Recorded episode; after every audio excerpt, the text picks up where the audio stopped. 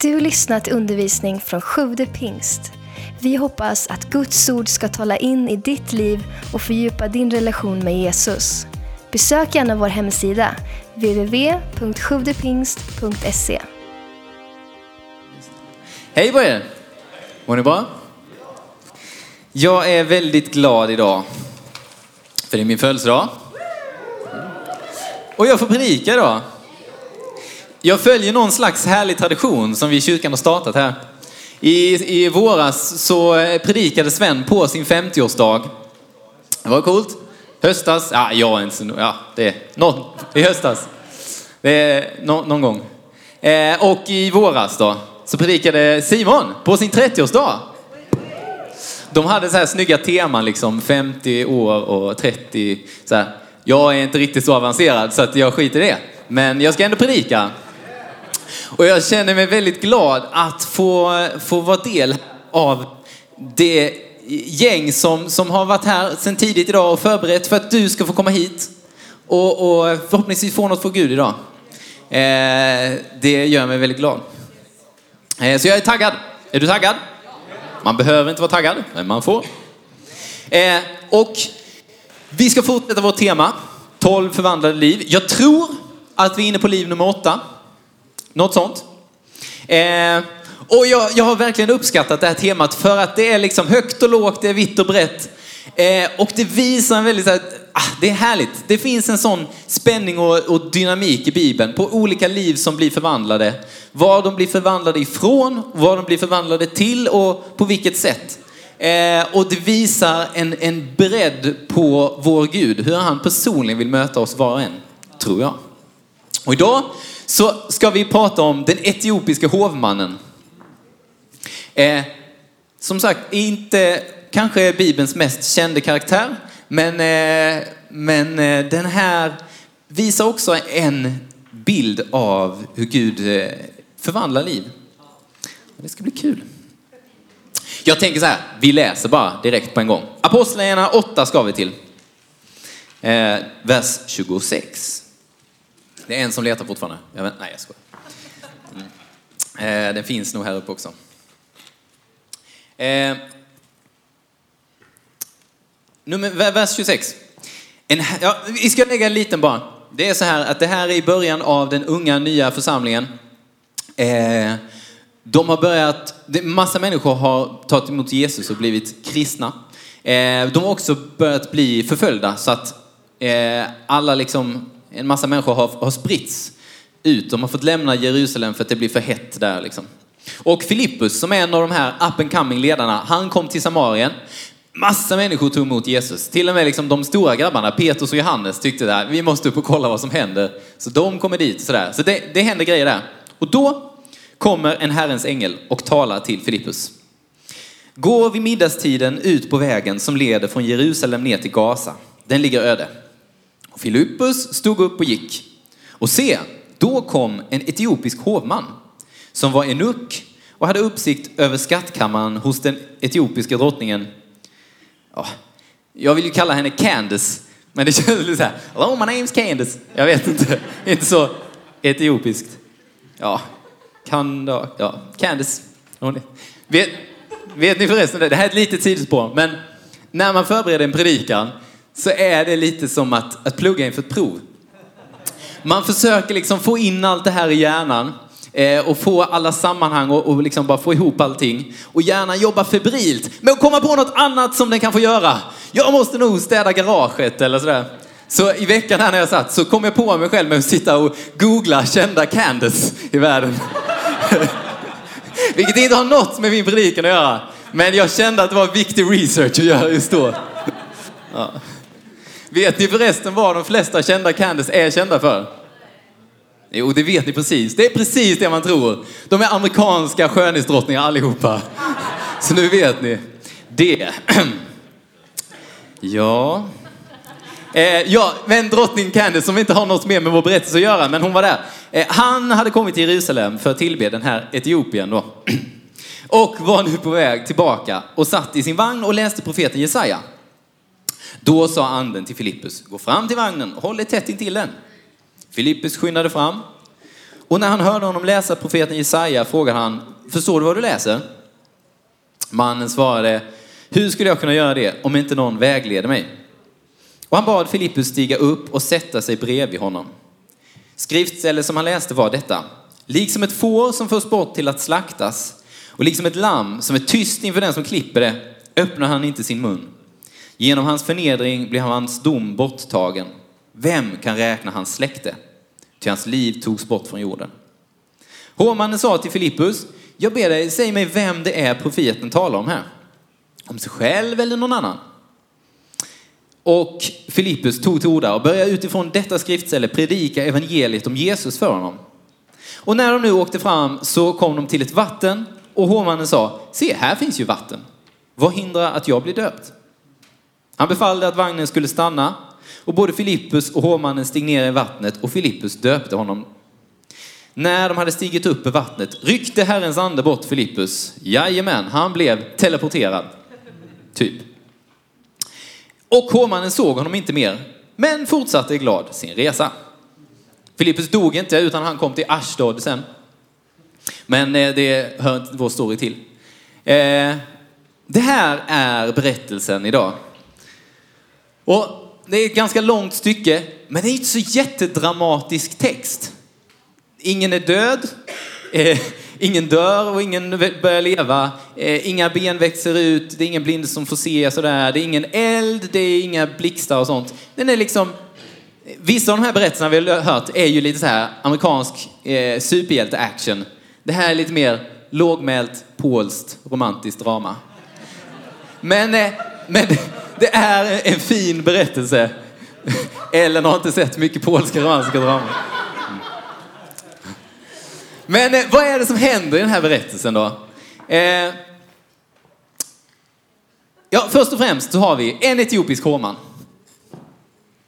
Det är min första punkt. ja, det är bra punkter idag alltså. Ni, ni har mycket att vänta er.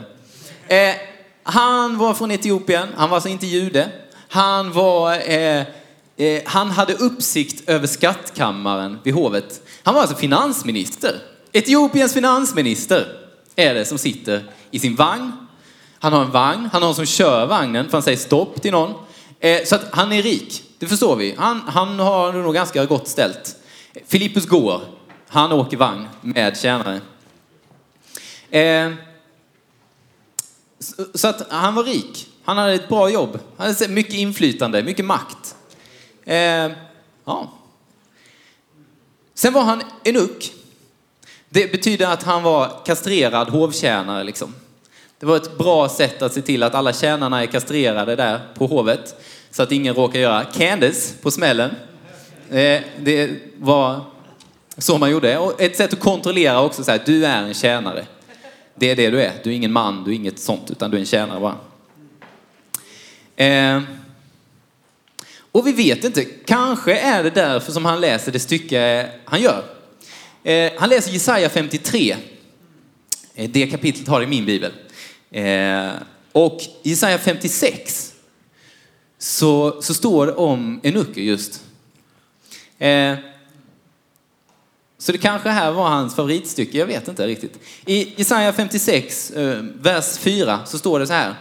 Så säger Herren, de enucker som tar vara på mina sabbater, som väljer det jag finner glädje i och håller fast vid mitt förbund. Och dem ska jag i mitt hus och inom mina murar ge ett minnesmärke och ett namn, en välsignelse som är bättre än söner och döttrar. Jag ska ge dem ett evigt namn som inte ska utplånas. Eh, och Enuke hade annars inte tillträde eller tillgång eller rättighet till så mycket grejer. De, han var tjänare. Eh, Kanske var det därför han åkte till Jerusalem, för att han ville, han litade på det här. Okej, den Gud som säger så här om mig. Vi vet ju inte. Eller så var det ingen som rörde honom i ryggen. Han var fin med det. Det är inte så jätteviktigt faktiskt. För min berättelse här och för det vi tittar på. Vi vet ju inte, eller hur? Det står inte. Det jag vet, det är min punkt nummer två. Den är också väldigt stark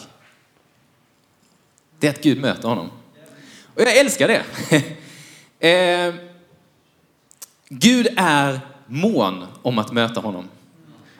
Eh, han tar den här Filippus som ändå var, ja, han, var ju- han, han var i mitten, det hände massa grejer.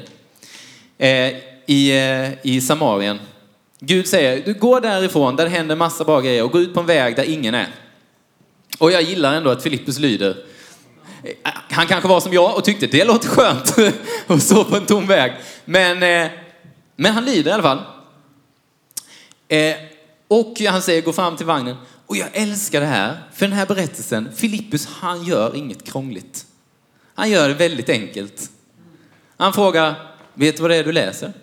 Nej, kan inte du hjälpa mig? Ja. Och så råkar han läsa ett stycke som just handlar om Jesus. Och hade han frågat för, nu vet jag inte tiden här, men ett halvår år sedan, så hade inte Filippus heller vetat vem det här handlade om. För det fick de reda på ganska nyss. Men just nu råkar han veta att det är Jesus det här handlar om. Och råkar veta vilken kraft det är i just det här som den här hovmannen råkar läsa. Och han delar med sig av det. Han tänker inte, nej men gud jag kan inte gå fram till Etiopiens finansminister, förstår du, de kommer skjuta mig. Eh, jag går här på mina ben. Han har en vagn, han har tjänare, jag har liksom inte ens åsna, jag har inte ens en praoelev. Vi är inte på samma nivå här. Men, men Filippus är trygg, så bara, jag kan gå fram. Jag kan väldigt enkelt bara berätta vad det är han faktiskt läser. För han råkar inte veta det. Jag älskar att det är, det är så här enkelt. Den här predikan är så enkel idag. Att han helt enkelt berättar om Jesus. Jag tror att hovmannen hade läst det här stycket om enuckerna och Filippus berättar att här så berättar Gud om vad han ska göra. Det står Guds frälsning gäller alla som så här rubrik på det kapitlet. Jag tycker det är härligt. Och så berättar han den som, som profeten pratar om här, det är Jesus. Det är han som gör allt möjligt. Eh, och, och så här, finansministern, han är inte heller så krånglig. Filippus gör det enkelt. Finansministern gör det enkelt. Ja, det finns vatten här. Kan du döpa mig nu? Ja. Och så döper de honom. Och så, Gud gör det inte heller så krångligt. Bra Filippus, det är färdigt. Poff! Nu kan du fortsätta med det du höll på med. Du är klar här. Jag älskar de här grabbarna, de är liksom så chilla liksom allihopa. Det, det är färdigt där. Eh, nu har jag och Etiopien, vi har, han har inte ens ett namn. Jag får kalla honom Etiopien eller Nucken eller Hovmannen här. Men vi, vet ju inte mer om det. Men Gud är inte orolig så här. Jag vet hans namn. Jag har gett honom ett namn i himlen. Han hade ett litet hopp om mig och jag har öppnat himlen för honom. Så det är enkelt men det är sjukt stort. Och min tredje punkt här, det går snabbt idag. Det är förvandlingen i det här livet. Hans förvandlade liv. Ja, han fortsatte glad. Det är så här, ja, vad bra. I, I The Message står det, han, han fick det han hade längtat efter, det han hade kommit för. Eh, men det är fortfarande väldigt enkelt. Det, det sker ingen som helst yttre förvandling här. Möjligtvis ett leende, men han kanske ledde in, log innan också, jag vet inte.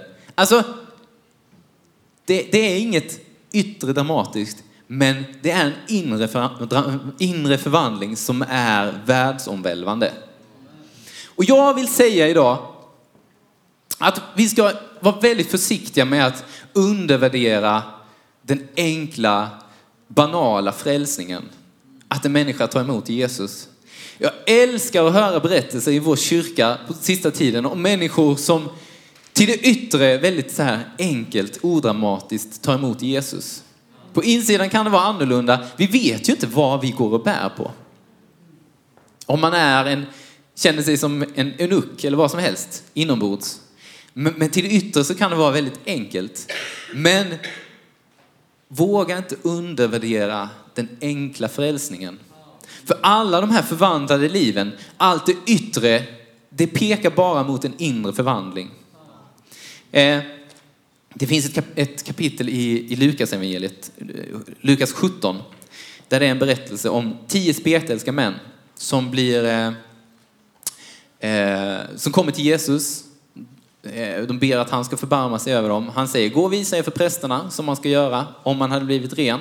De hade inte blivit rena, men de gick i alla fall. Och på vägen så blir de rena. Och så står det att en vänder tillbaka till Jesus och tackar honom. Och Jesus frågar, blev inte alla tio rena? Var är de nio? Har verkligen ingen vänt tillbaka för att prisa Gud utom den här främlingen? Han var samarit. Och han sa till honom, stig upp och gå, din tro har frälst dig. Det är så knäppt att de andra var så nära, men missade hela poängen. Det är väldigt lätt hänt ibland. Att så här, det händer massa grejer och vi missar hela poängen liksom. Eh, men jag vill uppmuntra dig idag till att inte missa poängen. För att jag, jag brinner för det här, för det här är ju min story också. Jag har inte varit finansminister i Etiopien och inte varit enuk. Men jag har en väldigt enkel frälsning. Mamma och pappa som råkar vara här idag. En applåd för mamma och pappa. Hej, hej. Eh, är kristna. De hade kyrka i vardagsrummet. Eh, och jag är också kristen. Och genom mitt liv så har många velat nedvärdera det där. Att säga, ja men dina föräldrar är ju kristna, det är väl därför du är kristen. Ja, det är förmodligen därför jag är kristen. Det nedvärderar inte det jag får tag på. Och jag har fått kämpa för det. För det är många som har velat nedvärdera det och, och, eh, och beröva mig från det. Men jag värdesätter det otroligt högt, för det är det dyraste jag har. Så att jag vill uppmuntra dig att nedvärdera inte det som är kanske enkelt. Eh, och samma sak då, så vill jag inte heller nedvärdera Guds ande som bor i mig. Det är ju det som händer när jag får ta emot Jesus och när du får ta emot Jesus. Och, och det är det som man förstår här att Filippus ändå fattade. Så här. Han försökte inte liksom han försökte inte frälsa den här Etiopien. Han försökte inte göra någonting i hans inre eller yttre liv. Han ville bara presentera Jesus liksom. Det, det var det han kunde göra. Men han kunde lita på att jag tror att det finns kraft i Guds ord, kraft i den enkla banala berättelsen om vem Jesus är. Och jag, jag litar på att Gud och han kan lösa resten. För Gud och han vet vad som finns på insidan. Eh, och jag skulle vilja eh, på det här temat med att glädjas över sin frälsning och kraften i, i Jesu berättelse skulle jag vilja berätta om en kvinna som heter Fatima. Hon jobbar i vår eh, second hand och eh, jag har fått höra, jag ska göra det här samtidigt. Vi får se hur det går. Det gick bra fast jag kunde inte fortsätta prata. Eh, jag har fått höra hennes, lite av hennes berättelse och jag, det, den eh, hjälper mig väldigt mycket att bara se det fantastiska i Jesus. Jag gör någonting här tror jag, förlåt. Hon kom från Iran. Eh, Fatima bodde i Iran och var eh, vad som kallas Basiji. Hon tillhörde en organisation som heter Basij. Eh, och eh, här i Sverige så pratar vi ibland om åsiktskorridorer och åsiktspoliser fast vi har mycket lång väg till Iran fortfarande. För där har de ett officiellt organ som, het, som är åsiktspolisen. Som ska se till att du sköter dig, att du läser Koranen och att du följer den rätta läran. Och Fatima, hon var, eh, hon var en del av det. Hon jobbade där. Eh, hon var en, en renlärig muslim. Och så skaffade familjen tv. Så här eh, satellit-tv liksom. Och hon satt och sappade någon gång och så här, kommer över en kristen kanal eh, och inser ju ganska snart att det här är en kristen kanal så det är ingenting som jag vill titta på och, och sappa vidare. Men det hände några gånger att hon snubblade över den här, började titta mer och mer. Och eh, eh, familjen börjar märka att det är någonting som händer med mamma här och det är inte bra. Det var hon som var den liksom rättrogna i den här familjen. De andra tyckte att jag har mitt liv att leva liksom. Allah, han, han ja, det rör inte mig så mycket. Det är mamma som är den gudfruktiga. här. Men de fattar sig, mamma det här är inte bra. Nu kommer du komma till helvetet. Alltså stopp och belägg. Chilla nu. Men någonting hände i Fatima som de inte kunde stoppa.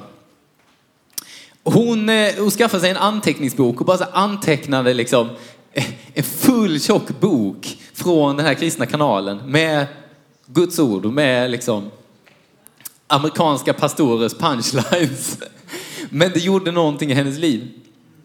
Eh, och samhället började märka det här för att hennes jobb började märka det här för att hon dök inte upp lika mycket och sådana här saker. Och, så att man började ana oråd och polisen slog till och de tog hennes TV och de fick böter och sådana här grejer. Eh, men hon fortsatte. Till slut så var de tvungna att fly. Så tänkte vi, vi flyr till Turkiet, det är nära bra. De fick med sig grannfamiljen, för de hade hon liksom predikat för så mycket så att de hakar på. eh, och hon tog med sig sina söner och eh, ena sonens fästmö. Pappan skulle vara kvar och, och, jobba och han var ju muslim fortfarande också ska vi påpeka. Eh, men, men, han skulle liksom vara kvar lite som det är ibland. Eh, de kommer till Turkiet men de kan inte stanna där så de måste vidare. Och, och, någonstans i Grekland så tar det liksom stopp. De har liksom inga pengar kvar, de har inga idéer kvar och de har ingen väg kvar. Det, det Fatima har kvar är ju hennes lilla bibel där, eller sin egen lilla handskrivna bibel. Hon har ringt till den här kanalen och beställt en bibel, men det tar tid att få en sån till Iran. Så hon har sin anteckningsbok liksom, och hon predikar för den här. Men ni förstår, vi har bara ett hopp. Vi har bara Jesus. Eh, ni måste be till Jesus. Så, och där då någonstans så ber då familjen till Jesus. Eh, och det som är roligt är att Filippus kommer inte, men det kommer en man dit. Och till dem och, och ser att de är ledsna. Eh, han frågar dem lite frågor, de vet inte vad han frågar för att han pratar engelska, det gör inte de. Eh, men de får i alla fall pengar. De får biljetter till en båt som de inte kunde komma på. Och de kommer vidare. Och, och det är ett fantastiskt berättelse, alla blir glada. Men se det här ur Fatimas perspektiv. För henne så tror jag att det hände något större här. För att jag såg någonting här på den här kanalen. Någonting började hända i henne, någonting som hon hade letat efter. Eh, och hon, så här, satt, hon sätter allt på det där kortet. Och det tar henne liksom till ingenstans i Grekland. Men när hon säger till sina barn, ja fast jag tror på det här, vi, vi måste be till Jesus och de hakar på. Så, så är Jesus där och jag, det är starkt. Och tänk för henne, hon sa det, jag trodde att det kunde hända, men jag fick se det hända. Alltså, hatten av för Fatima, alltså vilken människa. De kommer i alla fall till Sverige till slut. Och eh, de, de, de hamnar till slut i Lidköping. Går, går till första bästa kyrka, till Missionskyrkan. Och säger hej, vi behöver bli döpta. Så, och Missionskyrkan, de är fina för att de säger inte nej. Utan de gör det väldigt enkelt som Filippus, vi döper er. Så de blir döpta. Fatima får till och med tag i en bibel till slut. Det är fantastiskt. Och är det någon jag vet som är glad över sin frälsning, som inte undervärderar sitt möte med Jesus, så är det Fatima. De är fortfarande här. Migrationsverket tror inte att hon är kristen. De försöker undervärdera hennes tro. Eh, hennes man sitter fortfarande i fängelse i Iran. Men hon fortsatte glad. Hon fortsätter vara glad. Precis som etiopiska hovmannen. Jag tycker det är så mäktigt de ber fortfarande, eh, jag pratade med sonen, han pratade när, när de ringer till, till pappan ibland, när han får tillåtelse, så eh, kan de ju inte säga vad som helst, för att han sitter i fängelse i Iran. Men, eh, men eh, han säger i alla fall, tänd ett ljus för mig. Och då vet de vad det betyder. Då går Afshin och tänder ett ljus i kyrkan och ber för sin pappa. Det säger pappan, tänd ett ljus för mig. Och vi ska också be för den här familjen idag, för de väntar fortfarande på uppehållstillstånd. Och den här pappan sitter fortfarande i fängelse. Liksom. Eh, och efteråt ska vi ha förbön och man får jättegärna gå och tända ett ljus på vår ljusbärare här. för Esmail som sitter i fängelse i Iran för sin frus tro. Eh, och eh, kan vi ta att vi, vi står upp? Jag skulle gärna vilja att ni ber tillsammans med mig. Tack för att du lyssnat. Glöm inte att du alltid är välkommen till vår kyrka. Du hittar mer info på www.sjodepingst.se